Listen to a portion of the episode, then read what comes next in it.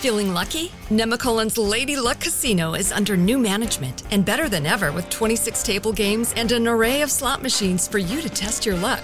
Try your luck at the table games, hit the slots for the day, or stay overnight to enjoy Nemacolin's luxury accommodations, fine dining, and all that the casino has to offer in one breathtaking mountain location. Visit nemacolin.com for more information and to reserve your stay. Lady Luck is open to the public. Gambling problem? Call 1 800 Gambler. حياكم الله معكم عبد الله العنزي في حلقة جديدة من بودكاست 1949 في موسمه الثاني. هذه الحلقة استضفنا فيها الشاعر جاسم صحيح. تحدثنا فيها عن الشعر القديم والشعر الحديث. وأي حديث أجمل من الحديث عن الشعر. طوف فيها ضيفنا في الحديث عن الشعر القديم والحديث. هل يمكن أن نتجاوز الشعر القديم ولا نمر به أصلا؟ أم من المهم أن يستند الشاعر على موروثه الثقافي القديم سواء كان الموروث الشعري أو الموروث المنثور بشكل عام. تحدثنا كذلك عن الشعر في العصر الحديث. ما المزايا الموجودة في الشعر في هذا العصر لم تكن موجودة في الشعر من قبل؟ ما الأغراض في العصر الحديث؟ هل لازلنا مستمرين على الرثاء والهجاء والمدح والنسيب أم هنالك أغراض جديدة وأهداف جديدة للشعر في هذا العصر؟ حلقة كانت رائعة مع ضيفنا الشاعر جاسم صحيح. أترككم الآن مع الحوار.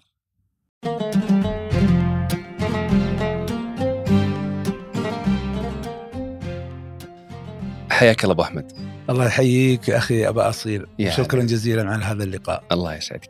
أبو أحمد بدي أتكلم عن موضوعنا اليوم نتكلم عن الشعر بين الحديث والقديم ودي أتكلم عن أهمية اطلاع الشاعر أو الكاتب أو حتى المتلقي العام على الشعر القديم. ما أهمية هذا الأمر؟ السؤال مهم جدا. أعتقد أن أهمية الاطلاع على التراث بالنسبة للمبدع خصوصا الشاعر تأتي من كون الشعر هو فن التجاوز. كيف لنا أن نتجاوز ما ورد في هذا التراث الضخم الفخم آه، إذا لم نكن مطلعين عليه أو على ما يمكن لنا أن نطلع عليه؟ لأنه لأن التراث كما أراه حقيقة هو آه، محيط لا يمكن لنا أن نعبره كاملا. جميل. لكن على الأقل علينا أن نسبح فيما نستطيع فيه من السباحة. فأهمية الاطلاع على التراث تكمن اولا في تكوين مخزون ثقافي وقاموس لغوي لنا بمعنى جمع ذخيرة للدخول في معركة الوعي المسماة شعرا. فهذا اولا. آه ثانيا من أجل أن نتجاوز كما قلت ما ورد في هذا التراث الكبير. لأن الأجيال مسؤولة مسؤولية كاملة في تجديد لغتها. من أجل أن تجدد لغتك يجب أن تطلع على اللغة التي سبقت، واللغة هنا عندما أتحدث عن لغة نضعها بين قوسين. آه نتحدث عن اللغة الشعرية، واللغة الشعرية هي لغة داخل اللغة. كيف لغة داخل اللغة؟ بمعنى أنها لغة مجازية آه، فعندما نتحدث عن المجاز نتحدث عن البحر لكننا نقصد رجل كريم. أها. وهكذا. هي لغة داخل اللغة. جميل رائع. طيب أبو أحمد آه، للشاعر ما أهمية الاستناد على المخزون الثقافي العربي القديم سواء كان من الشعر أو النثر أو غيره؟ كيف يمكن أن نقول أنه أنت كشاعر مهم لك أن تستند في تجربتك الشعرية على هذا الأمر؟ أرأيت هذه الطاولة؟ مهم.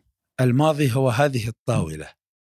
التراث هو هذه الطاولة التي نتكئ عليها عندما نكتب المستقبل بقلم الحاضر. يا سلام. فنحن لا نستطيع أن نبني أي بناء دون أن نضع له أساس. فالماضي هو أساس لنا. وكما قلت نحن نحتاجه كذخيرة آه، لن- لنتقدم في هذه المعركة. الثقافة والشعر هما آه، معركة كبرى مع الحياة آه، لبناء هذه الحياة ف- و- والأجيال تتكئ على بعضها البعض وتساند بعض بعضها البعض في آه، الدخول في هذه الحرب المقدسة جميل نعم. طب أبو أحمد في صوت يأخذ هذه الفكرة إلى افق ابعد يقول لا حتى الكتابة يجب أن تكتب كما كان في التراث. يعني إذا أردت أن تكتب شعر في عصرنا الحديث في العصر اللي نحن فيه أكتب كما كان يكتب الشعراء قديما.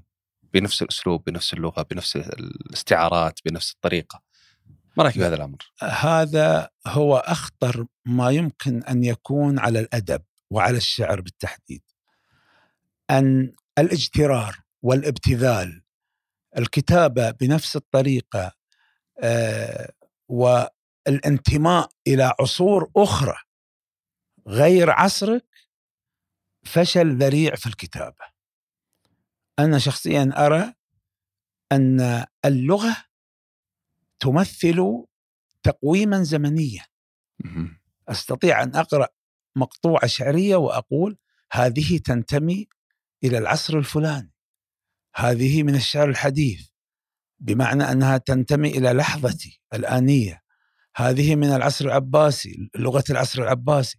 هذه من العصر ما قبل الإسلام لأن لغتها لأن لغتها تشي بذلك. فاذا اللغة أصبحت تقويما زمنيا نعتمد عليه أحيانا. أنا أتذكر شخصيا أنني اطلعت على مقطوعة كتب تحتها اسم شاعر عباسي.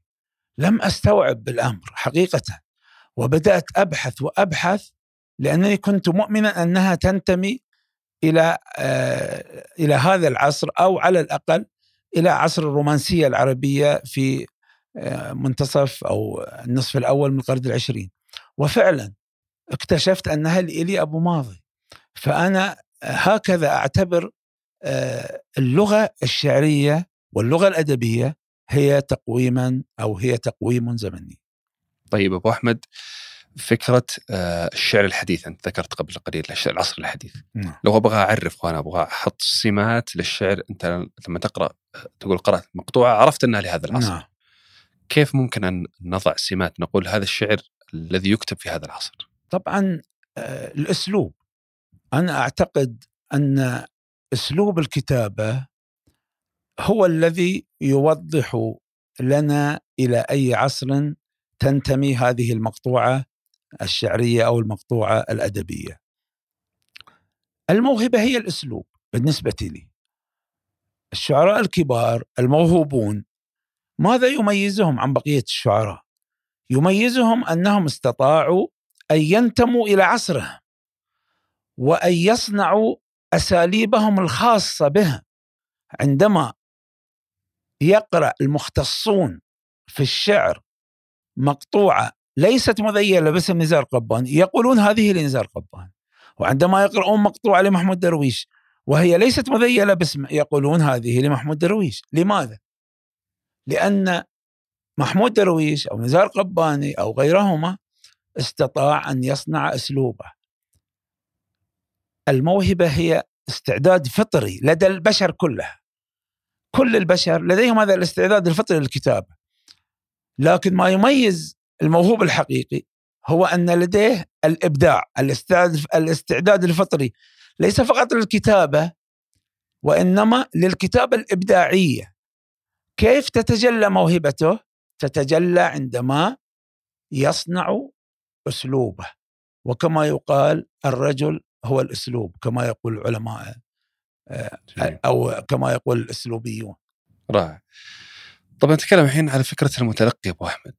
آه، هل الشاعر يرضخ للمتلقي ويكتب كما يريد المتلقي أو كما يطرب المتلقي له؟ أم هو يكتب ما يؤمن به ويجعل المتلقي يعمل أدواته للفهم والاستيعاب؟ الرأي الثاني هو الدقيق.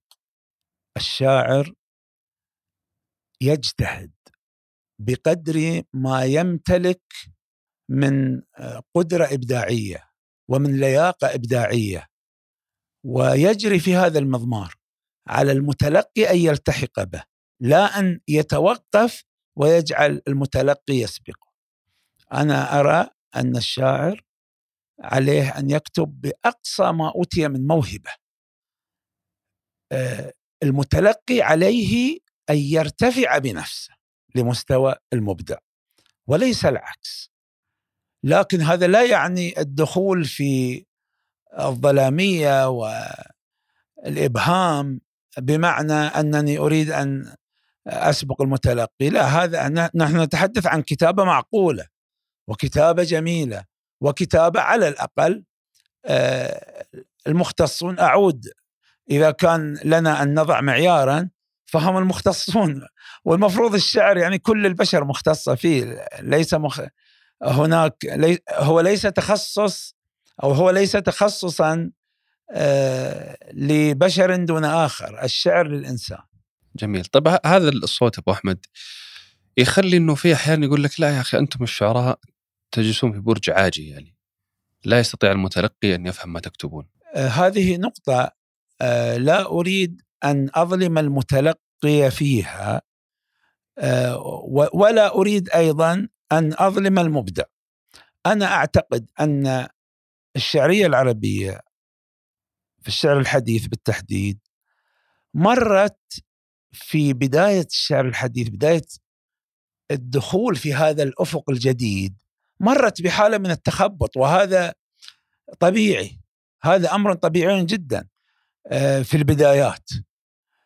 هذا التخبط قاد نحن لا نلوم عليه المبدعين أيضا لأن المبدعين يحاولون في الوقت ذاته لا نستطيع أن نلوم آه، المتلقي لأنه انزعج كثيرا من هذا الموضوع.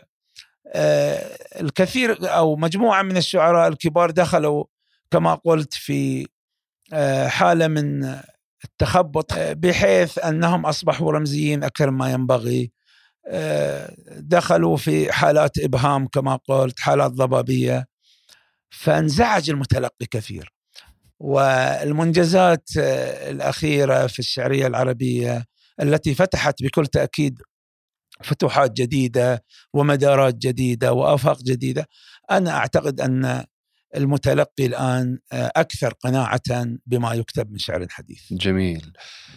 ذكرت أنت في أحد المقالات سابقا أن الكتابة ليست إكمال لمشوار القدماء أو الأسلاف. نعم. إنما هي المغامرة في البحث عن مساحات جديدة. صح. كيف ممكن ان نفسر هذه المقولة في ضوء ما ذكرت قبل قليل؟ الكتابه الإبداعية دائما هي حالة انحراف. انحراف عن الأسلاف، انحراف عن الماضين. دائما محاولة ل آه، إن صح التعبير عمل جغرافية جديدة على الخارطة بحيث أننا نستطيع أن نصنع تاريخا جديدا لا أن نمارس الطقوس القديمة. عندما نعيد كتابة الأجداد كما هم كما كتبوا نحن لا نعمل شيئا سوى أننا نمارس طقوسا أما عندما نكتب ذواتنا وعندما ننتمي إلى عصرنا وعندما ننتمي أيضا إلى أنفسنا فيما نكتب أعتقد أننا نصنع تاريخا جديدا. وربما أشهر من تحدث في هذه النقطة هو الشاعر الأمريكي روبرت فروست عندما قال هناك طريقان في الغابة آه، وأنا اخترت الطريق آه، الأكثر خطرا الطريق الأقل خطا بحيث لم يمشي فيه أحد الأكثر وحشه لأن هناك طريق سلكه الأسلاف ومهدوه يقول أنا انحرفت عنه وذهبت في الطريق الموحش هكذا آه، الكتابة الإبداعية دائما هي الذهاب في الطريق الموحش لتكتشفه أنت بنفسك وتشعل مصابيحك فيه. رائع، يعني أنت أبو أحمد تقول إنه الكتابه على على على طريقة القديمة على طريقة الأسلاف دعنا نقول أسهل للشاعر من الكتابة في مساحات جديدة. الكتابة التقليدية تقصد. نعم. الكتابة التقليدية آه، أنا لا أستطيع أن أقول أسهل أو أصعب. أنا أنا لا أعتقد أصلا أن الكتابة هي البحث عن أسهل طريقة نكتب بها. الكتابة أمرها غريب يعني. بالنسبة لي يجب أن أن نطرح السؤال لماذا لا نكتب الشعر؟ وليس لماذا نكتب الشعر؟ نحن نكتب كبشر لكي نعيش لكي نتنفس لكي نقاوم لكي نشعر بإنسانيتنا لكي نعمق آدميتنا لكي ولكي ولكي.